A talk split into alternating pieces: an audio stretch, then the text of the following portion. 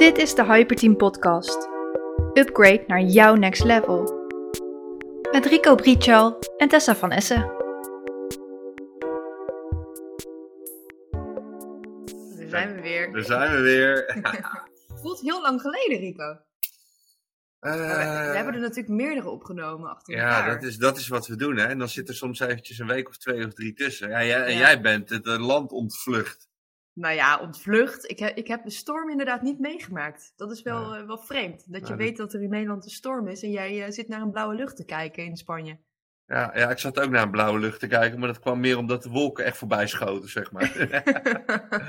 en bijna Ja. een, een, een boom op je dak, toch? Bijna boom op mijn dak, dus eh, nee, dat is dat, nee, luister, is altijd spannend, hè? Een beetje, een beetje sensatie in de tent. Ja, maar het is wel weer lekker om terug te zijn.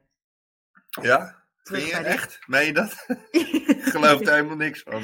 Nee, jawel, jawel. Ik, ik ben daar natuurlijk, ja, het is daar heel erg lekker. Eh, dat wil ik echt niet ontkennen, maar ik ben daar wel met allemaal dingen bezig.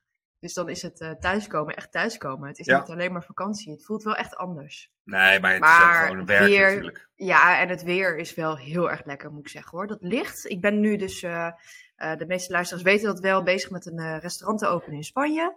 En eh, ben daar deze winter meerdere keren naartoe gevlogen. En ik moet heel eerlijk zeggen dat dat licht, dat vind ik wel echt heel prettig. Ja. ja, luister, dat is gewoon... Los van de warmte, gewoon dat het Ja. veel langer licht is. Maar ik vind sowieso die hele sfeer in dat Zuid-Spanje, dat is gewoon Ja. gericht op de kwaliteit van leven. En, Als je eh, er business wilt doen, is dat niet altijd prettig, moet ik zeggen. dat snap ik. In het, week- in het weekend werken ze dus echt niet, hè? Tenminste, los van de horeca, maar de aannemers en eh, ook geen meetings, reageren niet op appjes, niks. Nee. nee, Zouden we een voorbeeld aan eh, moeten nemen? Misschien moeten we daar een voorbeeld aan nemen, inderdaad. Ja, wilde ik net Ja. zeggen. Nou ja, en nu weer terug en eh, lekker bij mijn kinderen, want die heb ik natuurlijk een tijdje niet gezien. En dit weekend werd ik wel weer op de proef gesteld, moet ik zeggen. Voor mijn ouderlijke vaardigheden. mijn zoontje wilde per se naar de speelgoedwinkel. En hij is helemaal into de Pokémon. Heb jij dat nog meegekregen? Jouw kinderen zijn wat ouder, hè?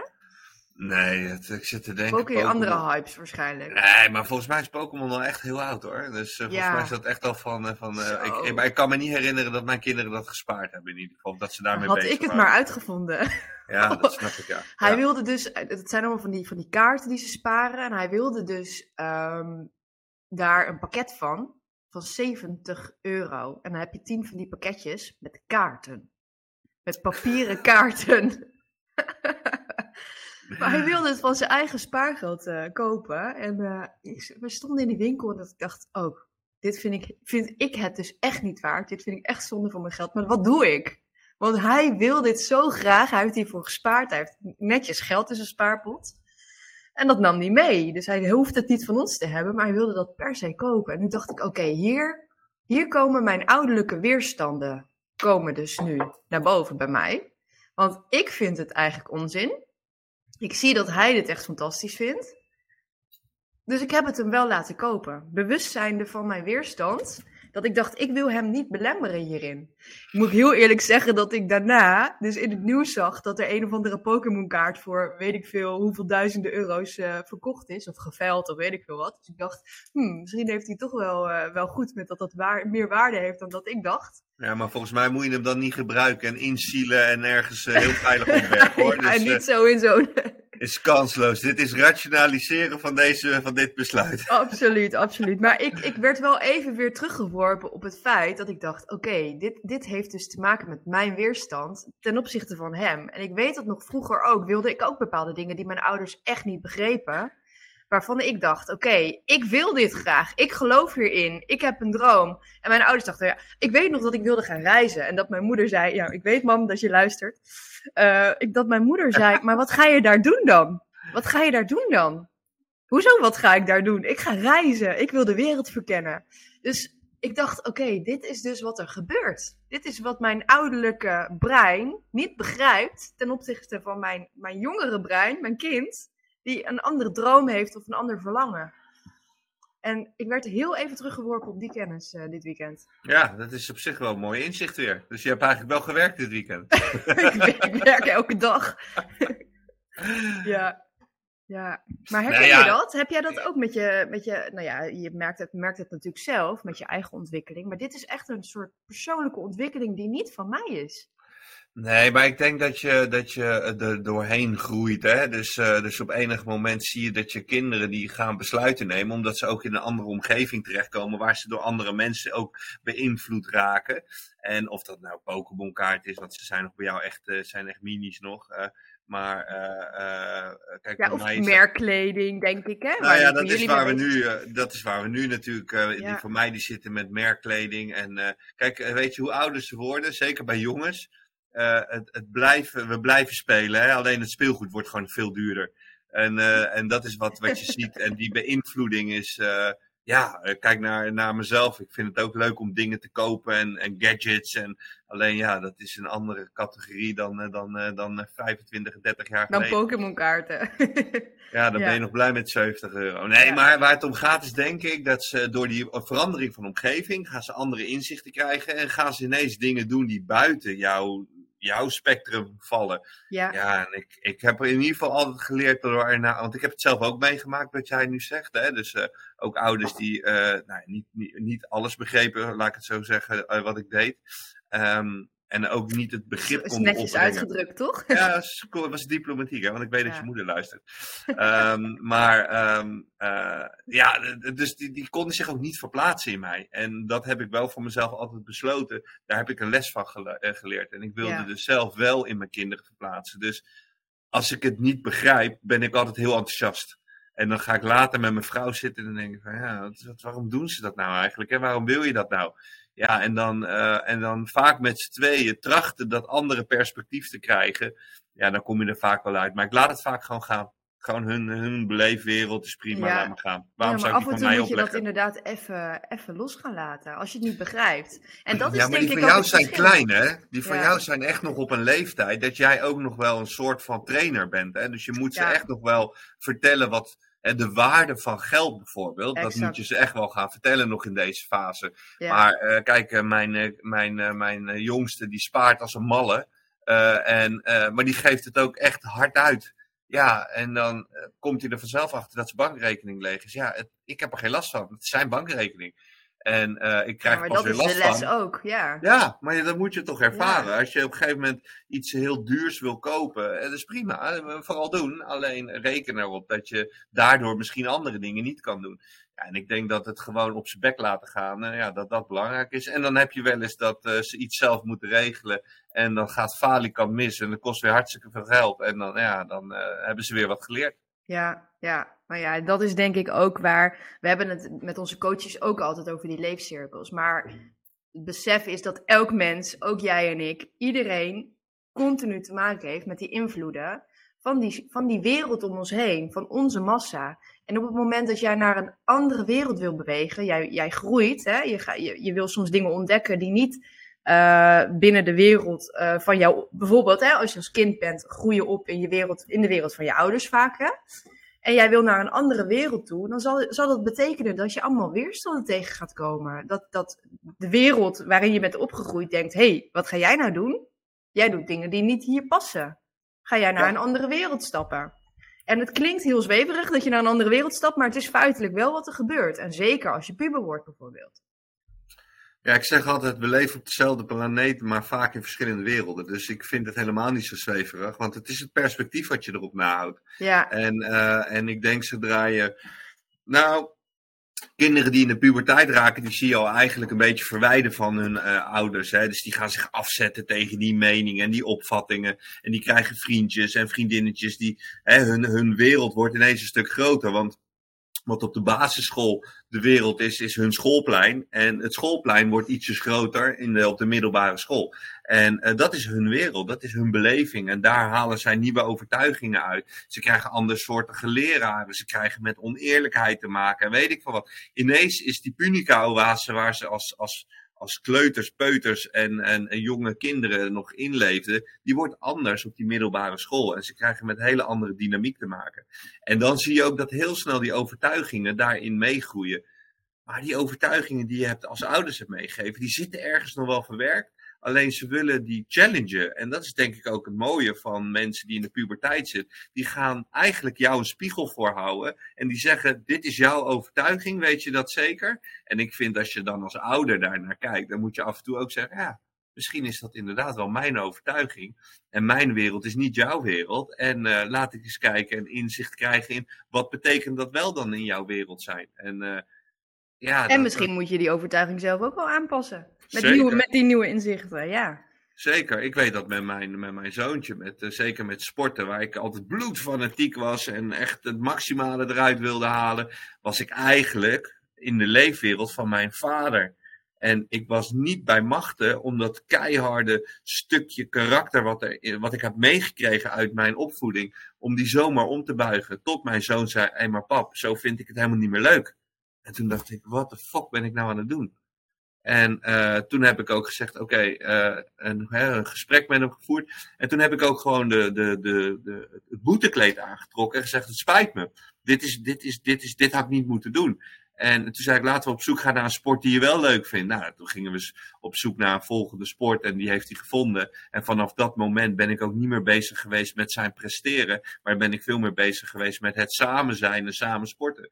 En dat heeft de relatie echt, echt heel erg veranderd.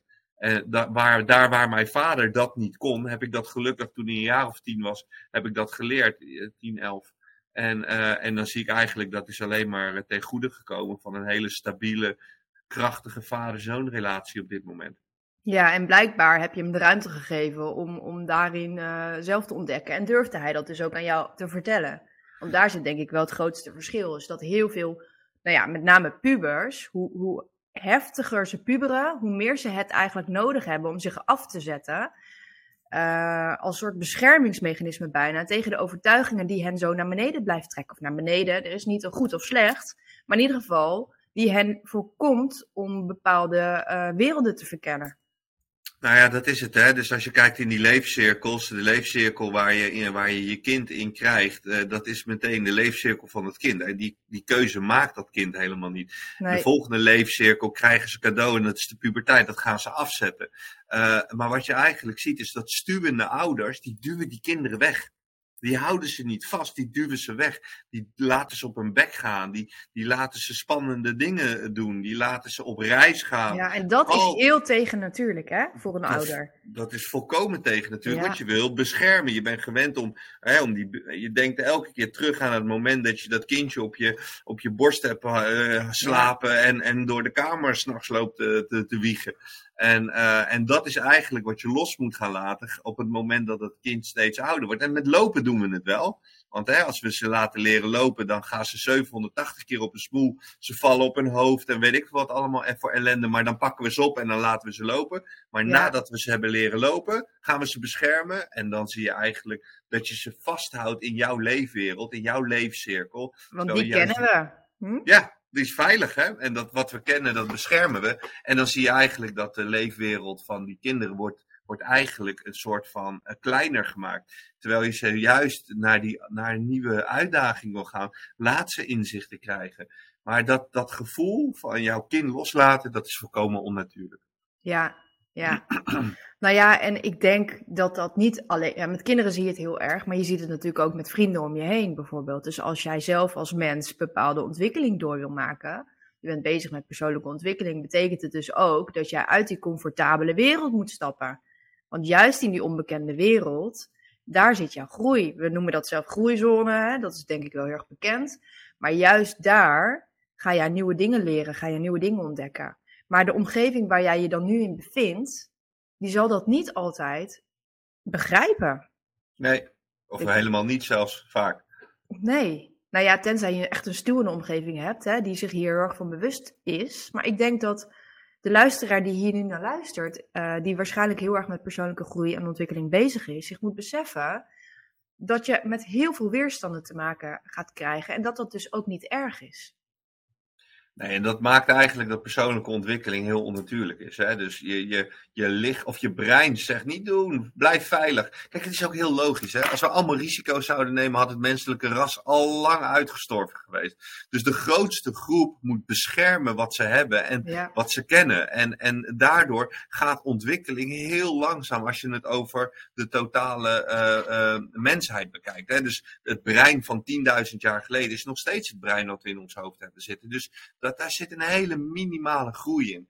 Uh, maar als individu kun je daar dus weerstand tegen bieden en zeggen, maar ik wil wel ontwikkelen. En wat je dan eigenlijk wordt, dan ga je tot die 3% ja. horen, die, die een voorbeeld gaat zijn voor de 97%. En wanneer jij al tien keer iets gedaan hebt, dan volgt de rest wel. Het is, uh, het is echt het spreekwoord, als één schaap over de dam is, volgen er meer. Dat is in, in dit geval precies hetzelfde. Maar daarvoor moet je je brein en alle weerstand die dat ding oproept, moet je gaan negeren. En dat is gewoon heel moeilijk. En dat vinden mensen heel lastig.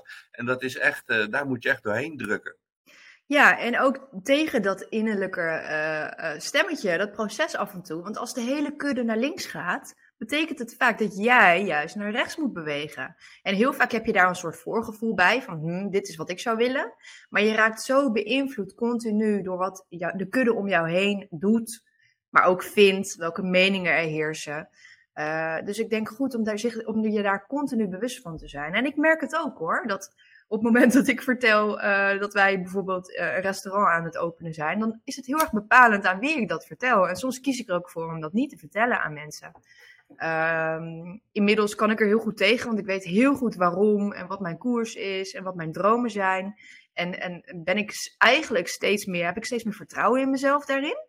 Maar op het moment dat je nog niet helemaal overtuigd bent van jezelf of wat onzeker kan zijn, uh, is het gewoon soms verstandig om te kijken, hey, maar met wie bespreek ik dit nou? Ja. Wie bespreek ik mijn dromen? Want het is zo gevaarlijk, helemaal als je het zelf nog een beetje wankel bent daarin, dat iemand je zo bam weer naar beneden trekt en dat je denkt, oh ja, het is misschien ook niet voor mij weggelegd. Hè? Dat je heel erg snel weer overtuigd raakt of zo. Het is een beetje, dit zijn altijd een beetje, het is, er zitten heel veel tegenstrijdige dingen in. Hè? Dus je wil eigenlijk aan de ene kant wil je gewoon je verhaal vertellen en kunnen vertellen. En uh, de andere kant is dat je misschien nog wat wiebelig bent, te wiebelig, om het verhaal tegen iedereen te vertellen. Want ja, daar zit het verschil. Ik denk ook dat dit met een stukje leeftijd komt. Hè? En op een gegeven moment ga je dit vanuit automatisme ga je dit leren. En uh, waar je denkt op uh, 14 uh, jaar, 15 jaar dat de hele wereld naar je zit te kijken en iedereen een mening erover hebt, kom je op je tachtigste achter dat niemand je geen ene reet interesseert. Ja. Weet je, iedereen is gewoon met, met zichzelf bezig. En hè, we hebben een, een, een, paar, vorige week hebben we een heel ernstig incident hier in Nederland meegemaakt met, met die gijzeling. Hè. Er wordt er een gijzelnemer wordt, wordt voor zijn sloffen gereden en nou, die gaat uiteindelijk dood in alle eerlijkheid. In het daar, die dag en de dag daarna. En misschien de dag daarna was, was het nog nieuws. En daarna is weg. Gewoon geen nieuws meer. Dus je ziet dat het, die mening van mensen, die is heel vluchtig. En wat ik gewoon geleerd heb inmiddels, door ook alles, uh, door, door, de, door de kennis tot je te nemen en te lezen en te leren kom je erachter dat je eigenlijk twee middelvingers hebt gekregen om die op te steken op het moment dat mensen meningen geven. Het is niet belangrijk wat mensen van jouw uh, route vinden. Het is belangrijk wat jij van je route vindt. En op het moment dat jij merkt dat je in een omgeving bent waar je continu middelvingers moet opsteken, dan ben je, zit je in de verkeerde omgeving. Het is een, eigenlijk een signaal, het is een antenne. Eh, als je je middelvinger voortdurend moet opsteken. En iedereen die je veilig probeert te houden en een knuffel wil geven. Om, en voorzichtig en kijk je uit. En dat zijn allemaal remmende factoren. Het is met liefde bedoeld. Maar het is remmend om je ontwikkeling niet te snel te laten gaan. Zonder dat ze dat doorhebben waarschijnlijk. Want die zijn gewoon onbewust onbekwaam. En uh, wanneer je bewust bekwaam gedrag gaat vertonen, denk je, oh, ik ben goed op weg, want de hele omgeving gaat weerstand bieden. Dus kennelijk doe ik iets wat afwijkend is van mijn uh, massa. En dus ik ben me aan het, aan het verwijderen van mijn massa op, op zoek naar een next level. En dat is wat je feitelijk aan het doen bent. Dus, maar het is een heel krachtig mechanisme. De, de, de, de kracht van de kudde is enorm.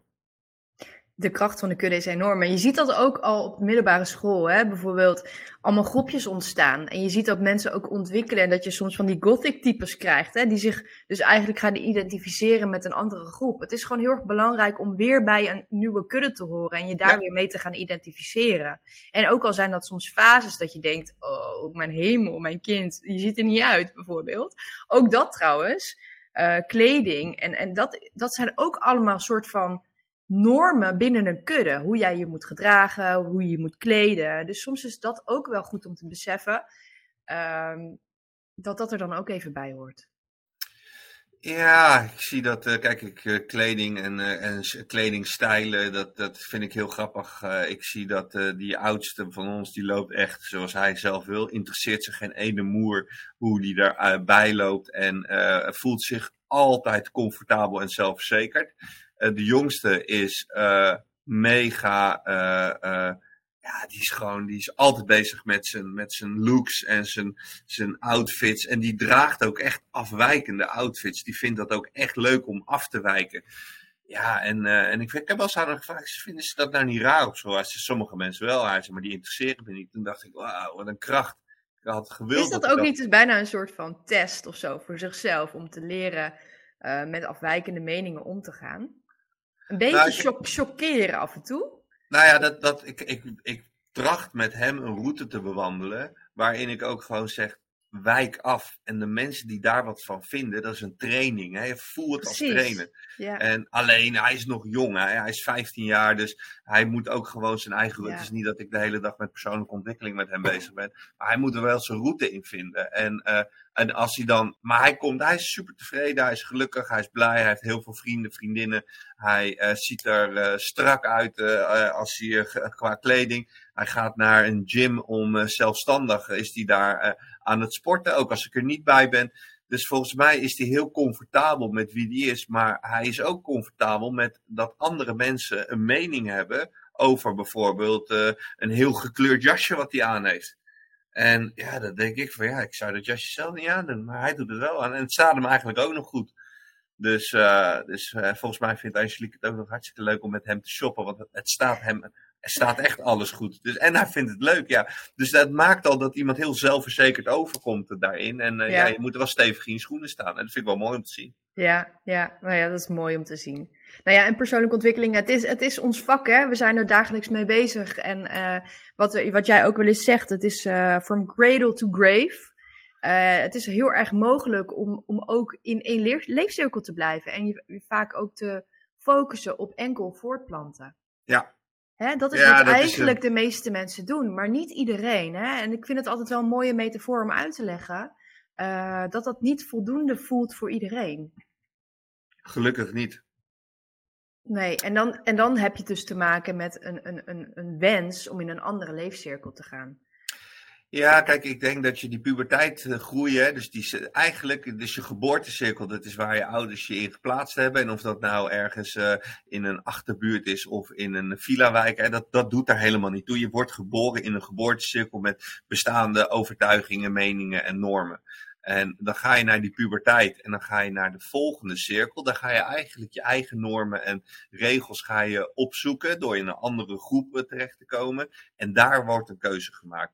Dan zie je dat of ze gaan voor de veiligheid van de, van de normen die in de eerste levensjaren zijn neergezet. Dus ze zoeken die veiligheid weer terug en doen wat ze gewend zijn en wat ze of kennen. Of worden daar naartoe getrokken, dat kan natuurlijk ook. Ja, maar, de keuze is om daar te blijven.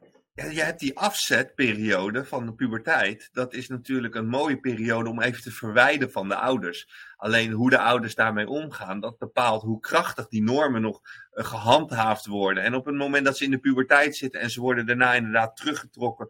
En daarmee voelt het ook veilig om in die oude regels te weer te leven. Ja, dan zie je eigenlijk dat de enige stap die daarna nog gezet wordt, is uh, dat je van uh, een individu naar een, uh, een vader of moeder gaat. En dat is wat het, uh, wat het uiteindelijk de laatste leefcirkel betekent. En dan zie je dat dat eigenlijk kabbel de kabbel tot aan de dood is.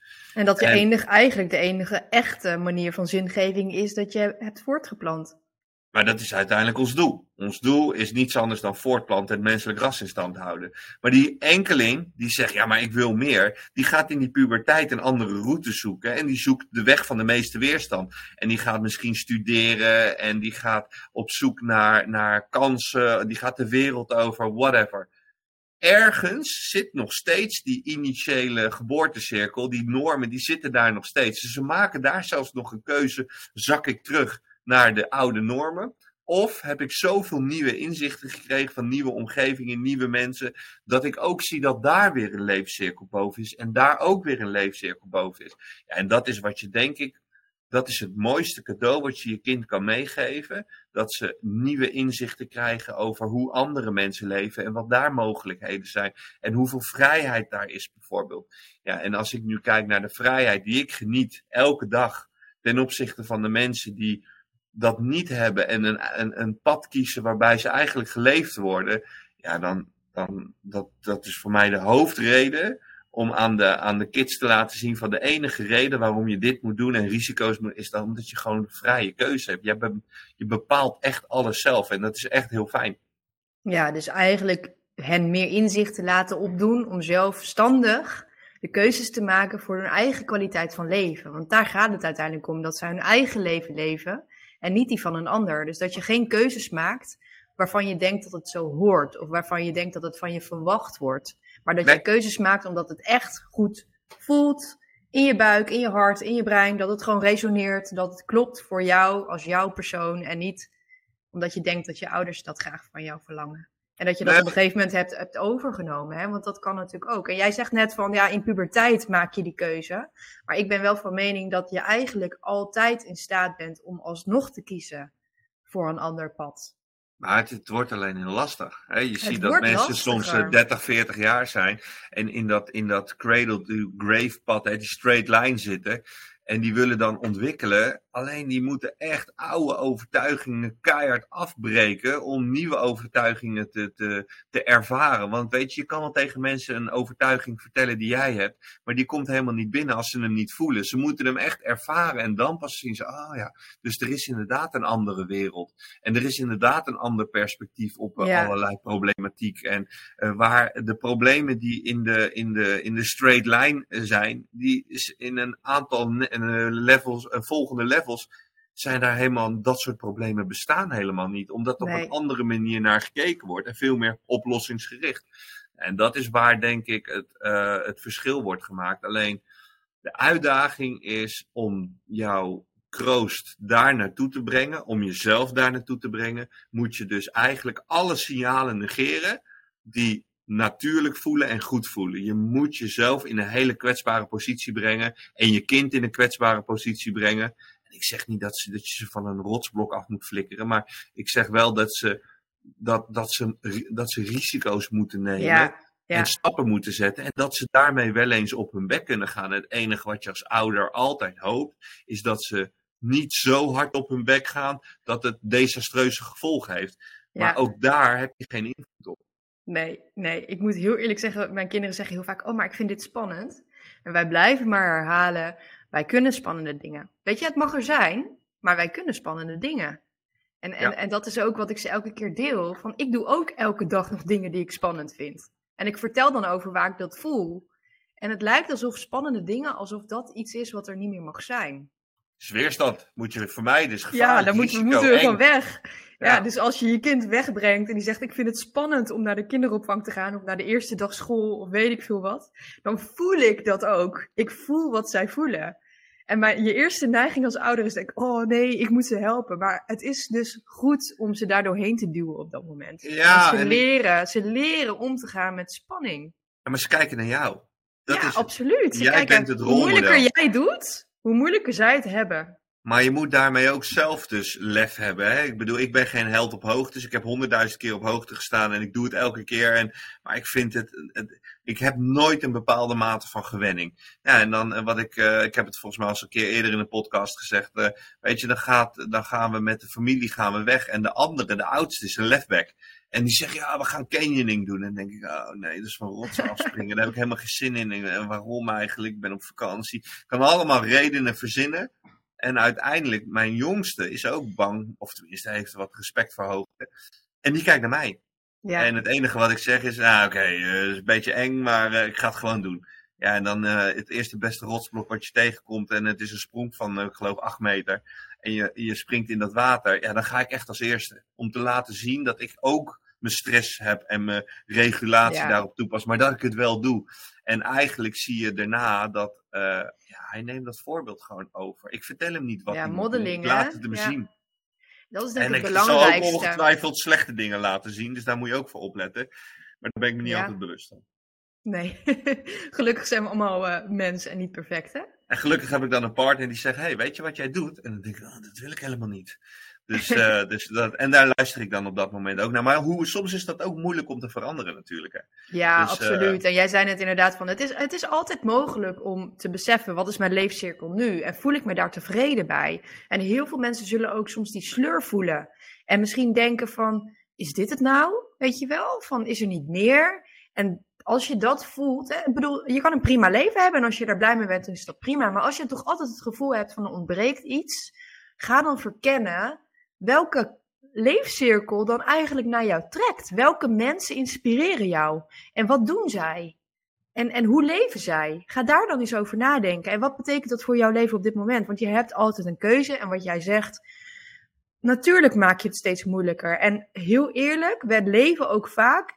We hebben onszelf in een leven gezet. waarin we eigenlijk een beetje kettingen om ons heen aan het, eh, aan het wikkelen zijn. We kiezen voor, we hebben dan een bepaalde baan, we hebben salaris, we gaan op een gegeven moment een huis kopen, we hebben een leefstijl wat geld kost. Op een gegeven moment ga je denken, ja, dit is wat ik moet betalen, ik kan niet zomaar hieruit. En dat, je maakt het op die manier ook zeker lastiger, maar het wil niet Ja. zeggen dat het onmogelijk is. Nee, de groei zit echt in de dingen die je eigenlijk doodsbang maken. Als je iets moet doen waarvan je echt denkt, echt, oh, daar, gaat echt, daar zit echt de doodsangst in. En dan heb ik het niet over alleen maar uit vliegtuigen springen. Maar heb ik het ook over eh, je passie volgen en je baan opzeggen en geen inkomen hebben. Ja, eh, ja, daar zit, daar zit altijd die groei achter. Alleen om daar doorheen te drukken, joh, dat is echt. ja, Dat zien we natuurlijk ook bij heel veel mensen terug. Dat is gewoon echt moeilijk. En dat is echt Ja. een proces waar ze doorheen moeten. En dan help je ze naar die volgende cirkel. En eenmaal met de kennis die ze op dat moment hebben, kunnen ze vervolgens de volgende cirkels weer zelfstandig doorbreken. ja. En dan zie je een, een, een, een niet te stoppen groei. En dat is heel Ja. gaaf om te beleven. En dan hoef je maar één keer te weten hoe dat werkt. En één keer ook echt door die fase heen te breken. Want heel vaak is zo'n moment van groei, van doorbreken, is eigenlijk hetzelfde met breken. Je ziet heel vaak dat mensen echt moeten breken, dus moeten vallen, eh, ziek moeten worden, bij wijze van spreken, breken, om op dat moment te kiezen dat ze gaan doorbreken. Dat is bijna eigenlijk hetzelfde punt, breken en doorbreken. Alleen jij hebt de keuze welke richting je op gaat. Maar daarom is de wereld ook eh, zo'n beetje de helft van Nederland eh, wordt gecoacht en de andere helft coacht. Iedereen, iedereen maakt zo'n zo'n zo'n breekmoment mee. En de mensen die zo'n breekmoment meemaken en daar een goede coach aan gekoppeld hebben, die ervaren iets wat zo fijn voelt, dat willen ze dan ineens gaan overdragen en worden ze coach. Dus je ziet dat heel veel coaches ontstaan van mensen die eh, ontstaan uit mensen die, die problemen voor zichzelf hebben opgelost en een groeicirkel hebben. En dat door, aan eh, iedereen door- gunnen waarschijnlijk, ja. En dat gunnen en daardoor daar passie uit gaan halen om dat gaan, te gaan Ja. overdragen. En als je kijkt naar, naar hoe wij die vorming hebben gehad binnen Defensie, waar, waar we gevormd werden om onszelf voortdurend te ontwikkelen, kwamen wij er pas veel te laat achter. Want ik had dit je echt gewoon 15 jaar geleden moeten opzetten. eh, kwamen we er veel te laat achter welke waarde dat had. En pas toen ik zelf erachter kwam dat ik geen coach nodig had om me door een ellendige fase heen te brengen, maar ik hoefde alleen maar terug te vallen op het geleerde, toen dacht ik, oh, maar nu snap ik opeens wat, dat, wat, wat ik heb geleerd. En dat is ook het moment geweest dat we dachten van, hé, hey, en toen zijn we gaan zitten, moeten we hier niet een businessmodel van maken, want dit is misschien wel heel veel waard. Ja, Dus, dus, het, het, dus je hebt gelijk, breken en doorbreken, dat is eigenlijk identiek. ja. En het is vaak ook hoe ga jij om met lijden op dat moment. En, en dat is wat Met je... lijden lange ei of eh, korte? Ja, it's up to you, denk ik. Ja. Op dat moment. nou ja, weet je, en, en, en ik denk de, de, de, de boodschap is hierin vooral... We zijn uiteindelijk, of je het nou wil of niet, we zijn allemaal terminaal. We gaan allemaal een keer dood. Alleen, alleen heel veel mensen leven niet. En het is denk ik uiteindelijk aan jou de keus of jij wel dat leven wil gaan leiden. Wat het dan ook is. Een filosofische afsluiting zeg. Mooi toch? Ja. Maar uiteindelijk gaat het daar toch om. Eens, helemaal eens. Geef er eh, zin aan. Geef er zin aan. Wat het ook Je gaat maar één keer dood en je leeft elke dag. Lijkt me mooi. hè? hey, dankjewel weer voor vandaag. Tot volgende week. Bye bye. Dit was het weer voor nu. We hopen dat je het waardevol hebt gevonden en dat je dat ook met ons wilt delen. Mocht je nog niet geabonneerd zijn op deze podcast, doe dat dan even. En we waarderen het ook enorm als je een review voor ons achterlaat. Dat kan het beste via de Apple Podcast app of via ons YouTube kanaal. We zijn erg benieuwd welke inzichten je hieruit hebt gehaald en dat we dat in de review terug kunnen lezen. En heb je zelf nou een vraag of een onderwerp waarvan je graag wil dat we hem in de volgende podcast bespreken? Stuur ons dan een bericht via Instagram. Dit was hem weer. Tot de volgende podcast.